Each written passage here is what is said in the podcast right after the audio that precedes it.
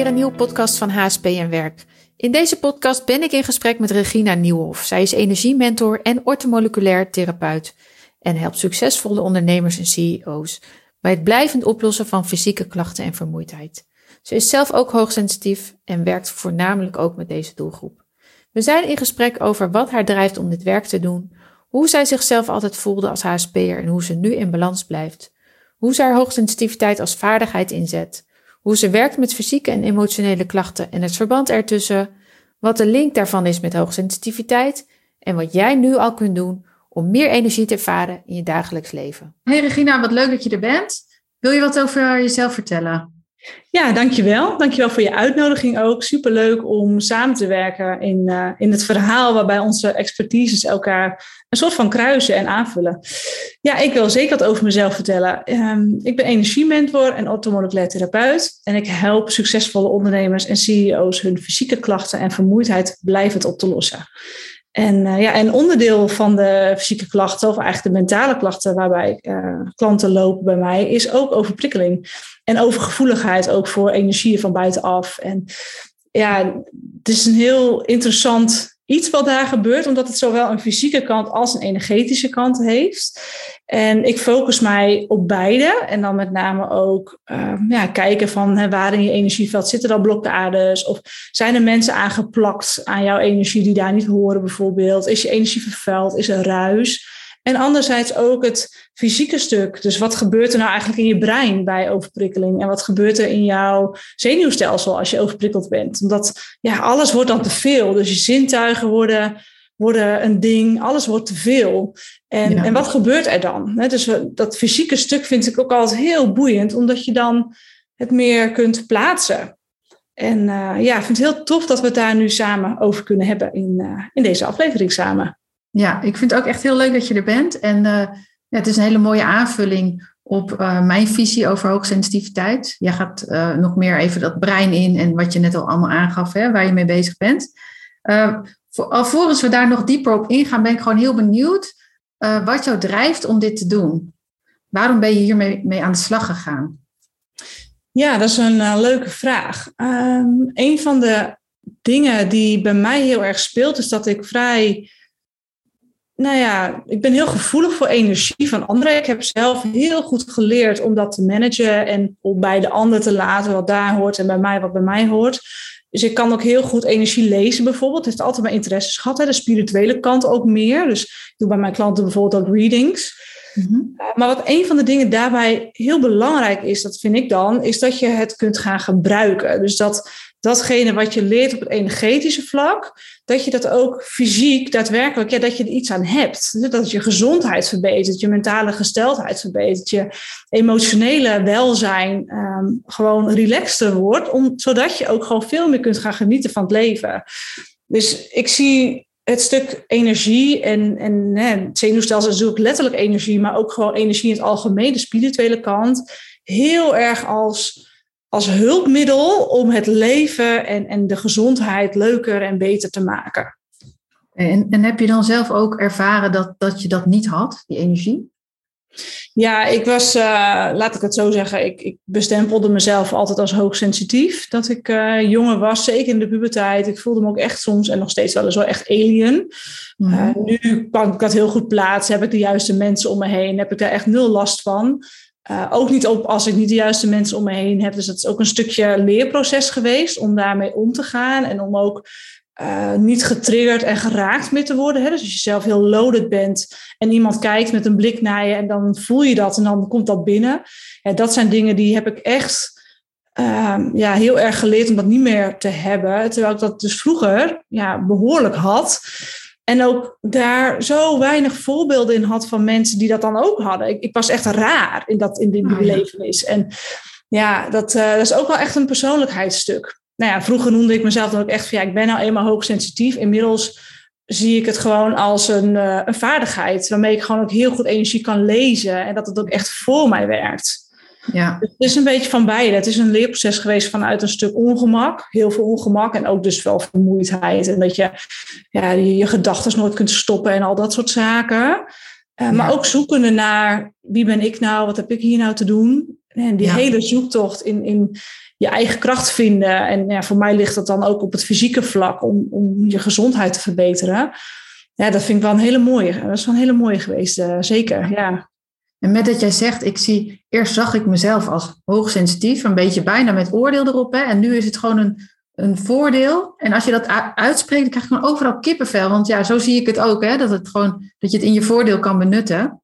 En ik hoor je ook zeggen van, uh, de mensen zijn heel belangrijk. Ik weet dat we het daar ook al eens over gehad hebben. Want wat is jouw visie daarop? Waarom zijn mensen, juist als je gevoeliger bent en als je energie aanvoelt, waarom is het dan belangrijker?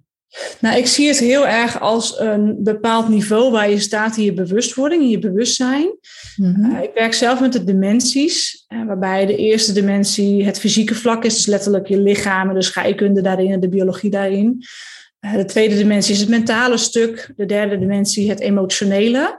En voor heel veel mensen stopt het daar, de, de bewustzijn, het, ja, het bewustwordingsproces. Dus die kunnen dat, dat zijn dan de levels die ze in zichzelf kunnen waarnemen. Ja. En als ik mij omring met die mensen, dan voel ik me dus heel raar, omdat ik de wereld anders waarneem. Dus ik zit veel meer vanuit de vierde, vijfde dimensie, eh, waarbij het veel meer gaat over de hartsenergie. En voorheen probeerde ik dan, en dat, dat is ook wel wat ik teach aan mijn klanten, je probeert dan echt vanuit die hartsenergie in verbinding met dat hart van een ander te maken, terwijl die ander niet in staat is om dat te doen, om zich daarvoor te openen. Uh, dus leren om je daar niet op geraakt te voelen. Hè? Eerder begreep ik daar helemaal niks van. van ja, ik probeer hier gezellig te zijn, maar jullie, jullie, jullie begrijpen mij niet. Ik kreeg geen verbinding, geen connectie. En nu kan ik dat gewoon helemaal los zien van elkaar. En stap ik dan zo'n soort van 3D-wereld in dan zit ik daar in mijn 3D-hoedanigheid en dan, dan ben ik even goed aan het socializen. En ja, dat is niet altijd dat dat heel veel diepgang heeft of zo. Uh, maar ik heb nu zoveel momenten dat ik me wel omring met mensen die op datzelfde niveau in hun bewustzijn zijn. Dat ik daar die diepgang en die vervulling vandaan haal van, uh, ja, er zijn zoveel mensen die op die manier communiceren en verbinden. Dus ja, dat, is, uh, dat is wel belangrijk.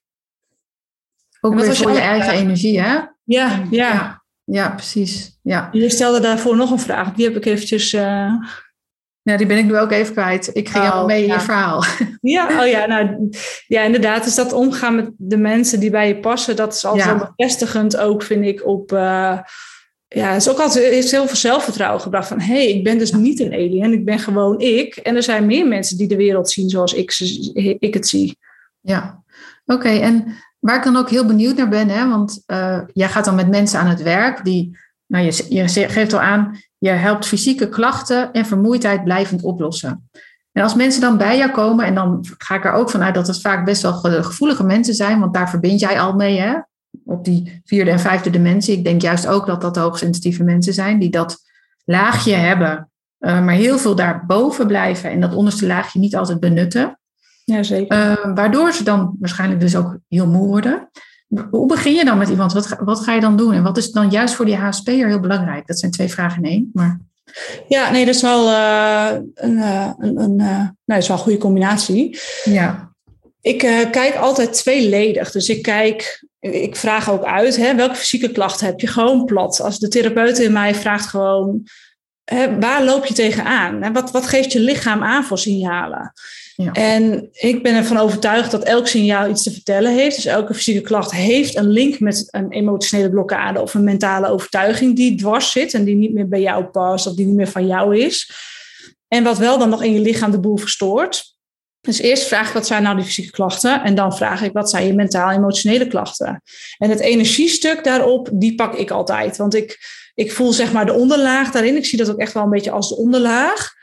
Um, dus daar vraag ik niet per se op uit, de spirituele, de spirituele kant, maar veel meer op uh, inderdaad het emotionele. En uh, ja, hoe, hoe, ja, ik vraag ook wel heel specifiek aan klanten van hoe, hoe durf je jezelf helemaal uit te spreken in een omgeving met uh, onbekenden? durf je jezelf online te laten zien zoals je bent? Of zit daar nog een laagje overheen? En dat soort vragen, zelfbeschermingsmechanismes, daar probeer ik achter te komen. En eigenlijk vanuit die mentaal-emotionele blokkades kan ik al heel snel zien: oké, dat linkje dat zit dan met, met deze fysieke klacht, dat zit dan hier mee, mee gebonden. En die linkjes die leg ik dan en op basis van uh, dat gesprek vis ik die onderlaag eruit. Omdat er eigenlijk een emotionele blokkade ook altijd een diepere les bevat. En vaak merk ik dan dat het dan terug te leiden is tot twee of drie overwegende thema's. Waarbij het anders zijn een heel grote is vaak, maar ook het niet gezien zijn als kind een heel grote is. Ehm, en dat is dus allemaal terug te leiden tot ja, patronen waar je nu middenin zit. Ja. Maar ook fysieke klachten die spelen. En bij de een uitzicht dat in, uh, in darmproblemen, bij de ander heel erg in, in mentale onrust. En weer bij een ander uh, bijvoorbeeld in huidproblemen. En die, uh, die linkjes die leg ik dan uit. En als daar dan een soort van bewustzijn komt van, oh, oh jeetje, die puzzelstukjes vallen. Ja, dan kun je echt aan de slag om die fysieke klachten op te lossen. En alleen het, het fysieke benaderen en eventueel wel healings en dat soort dingen doen, zonder dat je zelf begrijpt wat er in je lijf speelt, ja, dan, dan, dan los je dingen niet blijvend op, dan plak je pleisters. Dus ja. ja. de doelgroep met wie ik werk is ook echt wel al heel erg bezig met zichzelf, kent zichzelf al goed, maar merkt dat er nog dingen in dat lijf opgeslagen zijn waar ze niet bij kunnen. En dat is voor gevoelige mensen uh, vaak ook best veel, omdat dat lichaam dus ook gevoelig is. En er zijn natuurlijk heel veel mensen die, uh, die nou, waarvan je denkt van, nou, hoe, hoe dan? Hoe kun jij nog gezond zijn? Hoe kun je nog zo lekker in je vel zitten terwijl je weet ik veel wat allemaal eet en uh, een bepaalde visie en negativiteit om je heen hangt? En hoe kun je dan toch nog zo'n lichaam hebben? Ja, er zit natuurlijk ook een stuk DNA onder en een stuk constitutie. En ik zie dat bij eh, HSP-mensen, gevoelige mensen in het algemeen, de marges tussen wanneer het lichaam aan de bel trekt en wanneer het lichaam oké is, dat die vrij krap zijn. Dus je reageert ook gewoon gevoeliger op bepaalde disbalansen in je lichaam. Ja, ja weet je wat ik ook wel zie? Dat de, de intelligentere mensen dan een onwijs heftig, uh, of tenminste heel knap eigenlijk, psychisch immuunsysteem hebben ontwikkeld.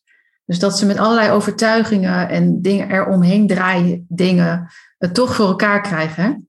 Ja, ja, dat klopt. Ja. En nou dan ook nog best wel lang volhouden. Ja, zeker. Dat zijn dan ook de mensen die, ja, het is misschien een beetje lullig om te zeggen, zo, zo, zo zwart-wit. Zeker omdat er, nee, je zal het maar meemaken. Maar dat zijn de mensen die mhm. zijn jarenlang gezond. En van het een op de andere dag denk je van, huh? Oh, ze zijn overleden. Had helemaal niet door. Ja. ja, dat gebeurt. Maar ik ben er ook wel van overtuigd dat ja, dat je ehm, dat, dat gevoelige mensen ook bepaalde levenslessen zichzelf hebben toegeëigend en dat ze juist ook willen leren van die gevoeligheid. Dat dat een van de thema's is waar, waar zij ook als ziel van willen leren. En dat, dat willen leren managen. En dat dat uh, ja, dat geldt dus niet voor iedereen. Hè? Waar anderen zich volledig stort op, uh, op, op, op leren over geld en daar hun hele leven mee in de problemen zit, ja, hebben gevoelige mensen dat veel meer op persoonlijke thema's en op zichzelf ontdekken en ontplooien en uh, manifesteren ook in de wereld vanuit die, die fijne ja, ik-energie. Ja. en ik vind het ook heel mooi als mensen zich dat gunnen om daar echt mee aan de slag te gaan, om juist dat laagje dieper te gaan. Ja, is ook. Het is ook heel vervullend. Je kan het ook bijna niet beschrijven hè, van tevoren. Ik weet niet hoe jij dat hebt, maar ik merk dan dat als ik dan in een gesprek zit met, met een klant en ik zie al die potentie van, jeetje, als je straks bevrijd bent van die last, van het heel gevoelig zijn, je weet niet wat je overkomt gewoon. Ja, ja. Je weet echt niet wat je overkomt. Je kunt je er geen voorstelling bij maken.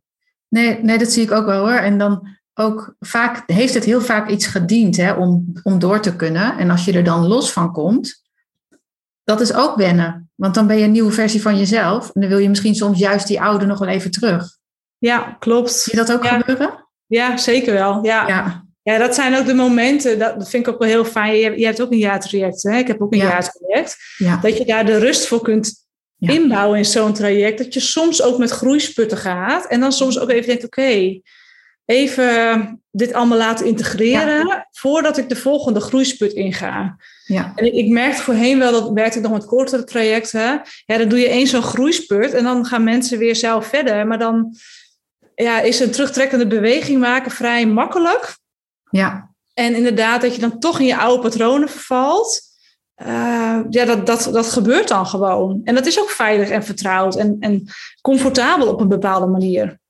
Ja, en in een jaar kan je juist naar die vierde en vijfde dimensie toe als we daarin praten, denk ja, ik. Zeker. Dat ja. Die, kan, die kan ja, dat kan landen en dat kan verstevigen en dan kan je dat de rest van je leven meenemen. Zo zie ik het eigenlijk. Ja, ja wat, wat ik ook heel vaak zie, dat is misschien dat je ook wel herkent, is dat mensen die bij mij komen, die gaan eigenlijk de stap maken van de vierde naar de vijfde dimensie. Waarbij die vierde dimensie al wel helemaal er is. En dan gaat het over leven vanuit je hart, dus kiezen vanuit je hart en dingen doen waarvan jij gelukkig wordt. Ja. Maar dat die vijfde dimensie dat helemaal integreert in je leven.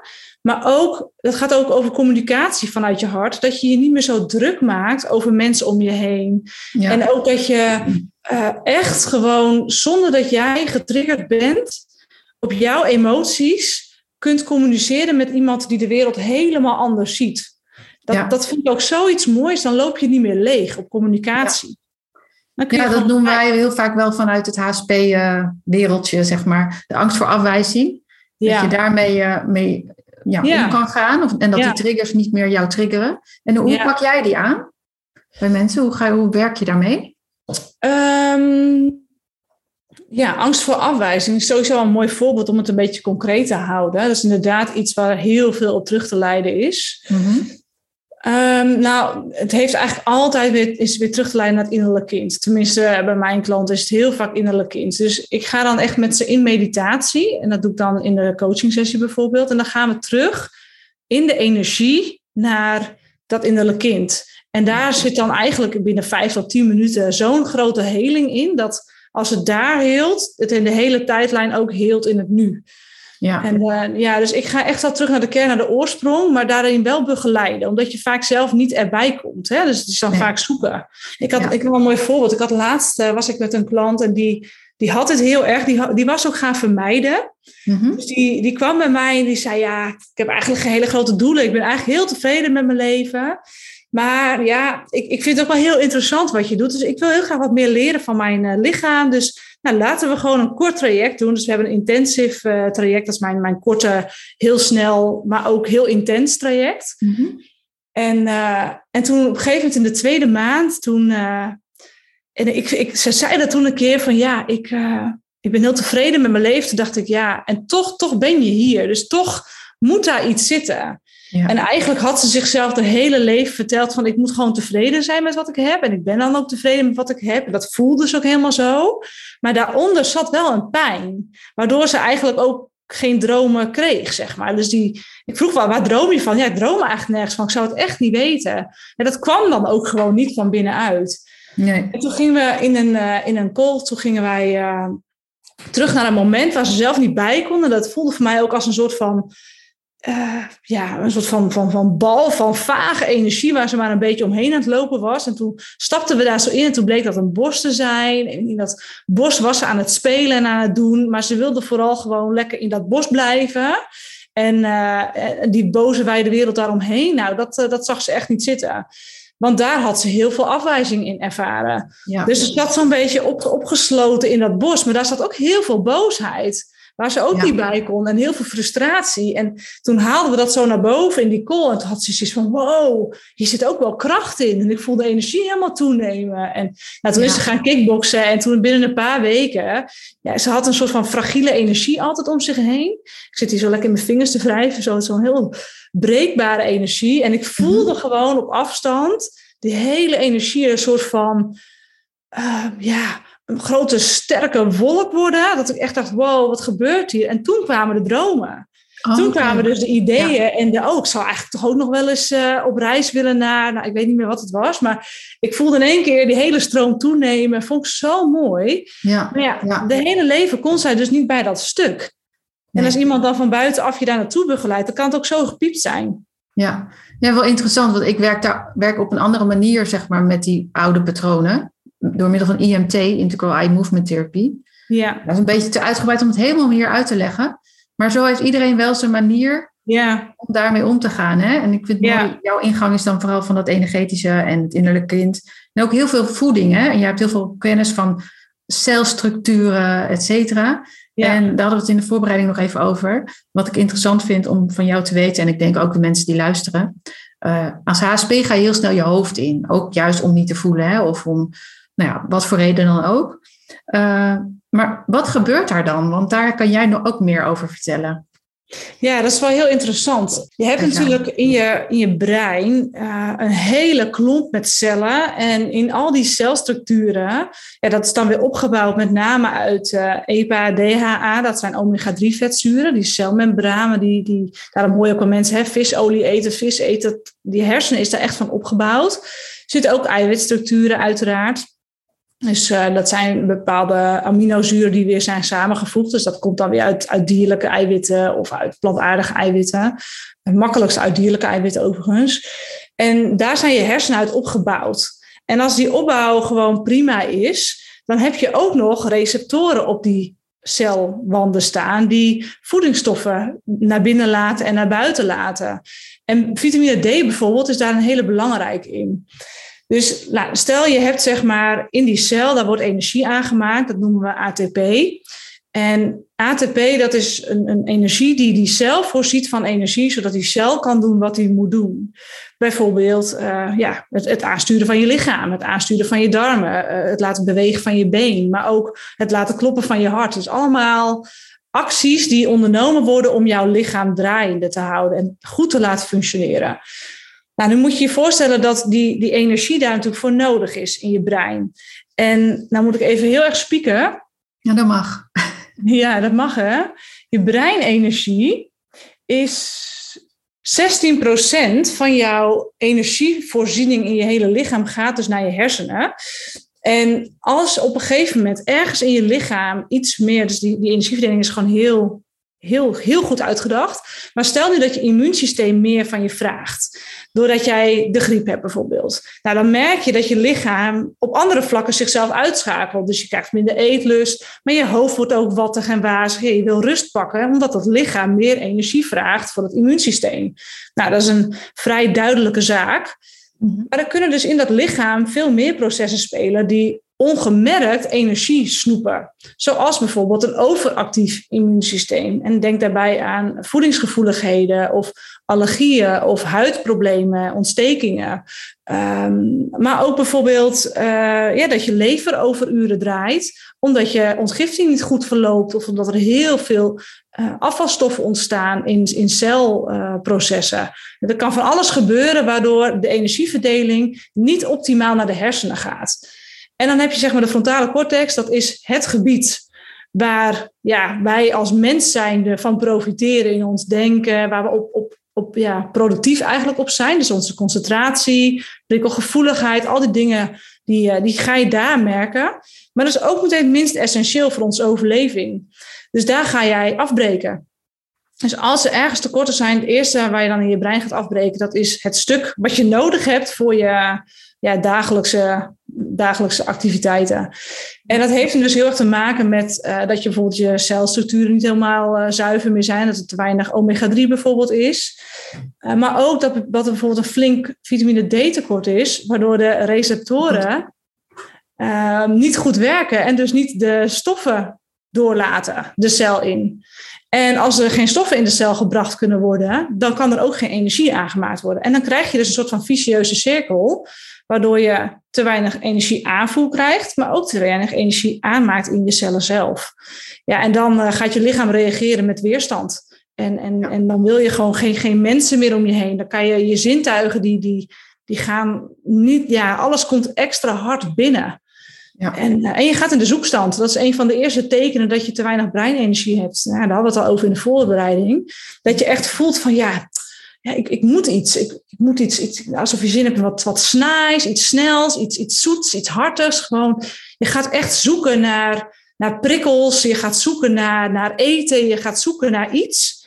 En dat doet je brein eigenlijk vanuit een oerimpuls. Hey, mijn energie is op. Er moet iets in om die energie weer optimaal te krijgen nou ja, dan in onze omgeving, ja, je gaat, uh, hè, vroeger zouden ze dan een konijn gaan schieten. Dus dan ga je bewegen en dan ga je, een, uh, ga je een konijn zoeken of een vis vangen. Dus je komt eerst in beweging. Maar wij lopen naar de kelder en we pakken iets om te eten, een snelle trek. En we vullen die energie weer aan. Uh, maar ja, dan los je dus niet daadwerkelijk op, waardoor dat energieprobleem überhaupt is ontstaan. Ja. En wat dan toch heel vaak stress is. Stress is dan, een van de oorzakers natuurlijk daarvan. Ja, dus dat, dat, daardoor word je nog, snel, nog meer overprikkeld. Dus dat is echt een vicieuze cirkel natuurlijk. Ja, klopt. Ja. En dat dus zijn echt de dus momenten dat je denkt, ah, ik moet mezelf nu uitzetten. Want nou ja, dan merk je gewoon, je brein stopt ermee. Ja, en uh, natuurlijk kan je van allerlei dingen doen in de aan de oppervlakte om daar meer balans te vinden. Maar dan kan het dus nog, zoals ik jou goed begrijp, nog altijd van alles zijn uh, in je lichaam waar je de weet niet van hebt. Uh, waar je dus iets kan doen om dat meer in de balans te brengen. Ja, klopt. En eigenlijk essentieel voor dat verhaal is, uh, is je vetzuren. Dus vitamine D, wat een vitamine is die in vetzuren opgelost wordt, in vet opgelost wordt. Vitamine D is echt essentieel. Mm -hmm. en, en omega-3 vetzuren, dus vis en visolie. En als je uh, echt vegetarisch wil eten, dan uh, algeolie. Um, want dat zijn structuren die je brein ook daadwerkelijk kunnen bereiken. Ja. En wat ook daarin heel belangrijk is, is zorg voor een gezonde darmgezondheid. Dat je hè, een opgeblazen buik is een teken dat er iets niet goed zit in die buik. Ja. En in die darmen wordt wel, worden wel neurotransmitters aangemaakt, zoals bijvoorbeeld GABA. En GABA is een gedachtenstopper. Okay. En ook serotonine, geluks, ja, we zeggen wel het is een gelukstofje, maar dat doet nog veel meer. Serotonine dempt bijvoorbeeld ook het immuunsysteem. En serotonine helpt ons daadwerkelijk grenzen te houden. Ja. Dus als jij te weinig serotonine aanmaakt omdat je darmflora uh, door parasieten of candida uh, overhoop ligt, um, dan, dan takel je dus ook af op je grenzen, letterlijk, maar ook energetisch. En dan wordt het op een gegeven moment zo'n gevecht met je eigen beperkingen, ja. zeg maar.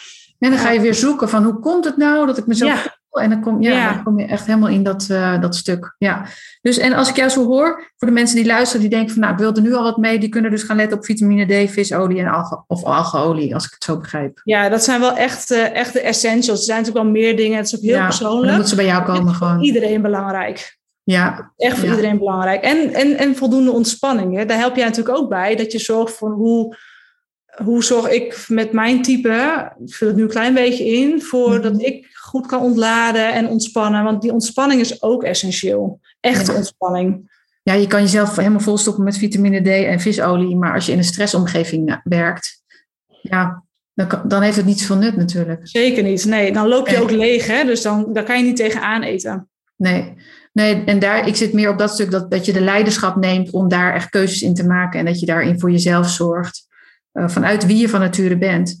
En volgens mij, als ik jou zo hoor, uh, zou dat een hele mooie verdieping zijn als je nog, nog een laag verder wilt en helemaal in die gezondheid wil duiken en helemaal op, nou, op celniveau in balans wil komen. Ja, het is eigenlijk een soort van en-en verhaal. Hè? Je hebt een vicieuze cirkel die ontstaat in het fysieke vanuit uh, een stresssituatie, als we hem eventjes een soort van plat slaan. Maar die stresssituatie wordt ook weer gevoed doordat dat fysieke weer uh, steeds erger achteruit takelt.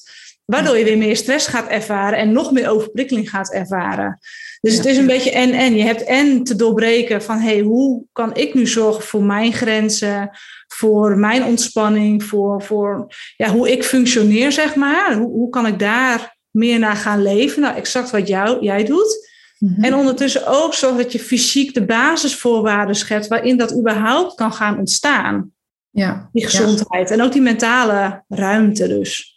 Ja, ja, en dat uh, is ook wel dat je, dat je je grond verstevigt waar je op staat. Zo zie ik dat dan ook. We zijn altijd als bezig met, uh, met de ander, hè? of dat de ander het maar goed heeft, of dat de ander je maar leuk vindt. Maar ja, wat kan jij op jouw plek doen op al deze gebieden om steviger te staan? Ja, zeker. Ja. Oké, okay, um, ehm, nou, je hebt al heel veel verteld en uh, ik wil eigenlijk een beetje richting de afronding, waarin ik heel benieuwd ben van, uh, nou ja, als professional op jouw gebied. Uh, wat raad jij hoogsensitieve mensen aan vanuit jouw professie? Wat is dan het eerste in wat je opkomt of waar je van denkt, nou, kijk daarnaar, dat is echt belangrijk. Zorg dat je je voeding op orde krijgt ja. en zorg dat je je stress verlaagt. Dat zijn echt de twee essentials die, uh, die noodzakelijk zijn om je brein de rust ook te geven en je zenuwstelsel ook te kunnen laten herstellen. Ja. Met goede voeding bedoel ik dan eet natuurlijk, veel groenten, uh, goede vetzuren, uh, niet te veel uh, troep en meuk en, en afleiding, maar echt dingen die je lichaam voeden. Ja, ja. En stel men wil daar meer over weten, waar kunnen ze jou dan vinden? reginanieuwhof.nl Ja, en je zit ook veel op Instagram, hè? Dus dat zal ik er ook even bij zetten. Uh, Regina Nieuwhof, ja. Ja, ja. ja. Oké, nou ik, ik weet dat ik nog wel twee uur met je door kan praten. Want volgens mij weet jij hier heel veel van en kan je daar heel veel over Ik hou niet meer op hoor. Nee hè? maar het is gewoon heel leuk dat je... Ja. Wat zeg je? Het is ook gewoon heel boeiend. En ook zo leuk dat je vanuit verschillende disciplines... Ja. Um, hè, en ik, ik zie het ook altijd heel erg als dat als je op zoek bent naar een oplossing voor je hoogsensitiviteit of voor je dark wat je ingang ook is, ja. Meerdere invalshoeken daarin, dat, dat helpt zo enorm in dat hele proces om een blijvende oplossing. Uh, ja, ik ben zo'n voorstander van dat, dat definitief, hè, dat je niet denkt van, oh, nu heb ik dit, nou, dan moet ik weer naar het volgende hoppen en weer wat proberen. Nee, gewoon in jezelf en uit jezelf die, die, die, die grote transformatie halen, waardoor je ook blijvend gewoon af bent van, uh, van de last van hooggevoelig zijn. Ja, ja want dat het is geen last. Nee, het is helemaal geen, geen last. Nee, nee. Nee. nee dat vind ik ook zo mooi aan jou te zien, als je even kijkt hoe jij je werk en leven hebt ingericht als hoogsensitief, intelligent persoon. Je hebt ook je mooie eigen bedrijf neergezet op jouw voorwaarden, met de mensen waar je het liefste mee werkt. Wat brengt jou dat, dat je dat voor jezelf georganiseerd hebt? Ja, ik denk, uh, mijn naam is Regina en uh, dat betekent ook koningin. En ik voel mij ook altijd al een beetje zo. Ja. ja. even heel, heel kort hoor, maar ik heb dus eh, vier kinderen en we hebben daar ook een nanny voor en een schoonmaakster en iemand anders doet mijn strijk. Dus ja, ik ben echt wel, hè, mijn man heeft dan nog een boerderij, een akkerbouwbedrijf aan huis, die schakelt om naar bio. Dus er speelt heel veel in ons leven. Maar ik kies er keer op keer voor om te doen datgene wat in mijn zone of genius ligt. Um, en ook te zorgen voor uh, genoeg ontspanning. Dus daar ook mijn ruimte in te pakken.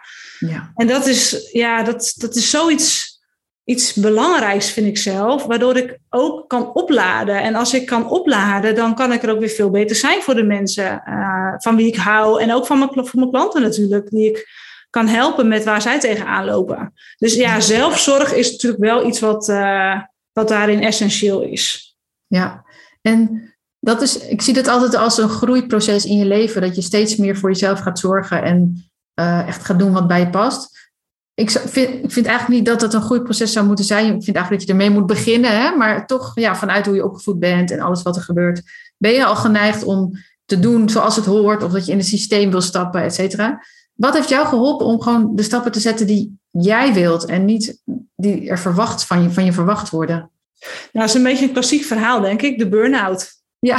Ja, ja, wie niet, hè? Ja, wie niet, die, ja. Uh, die grote transformatie heeft doorgemaakt. Ja, ja. nee, mijn, uh, ik, ik was hiervoor altijd eh, manager bij een uitzendbureau. Superleuke baan, echt heel dynamisch, ook reed door heel Noord-Holland heen.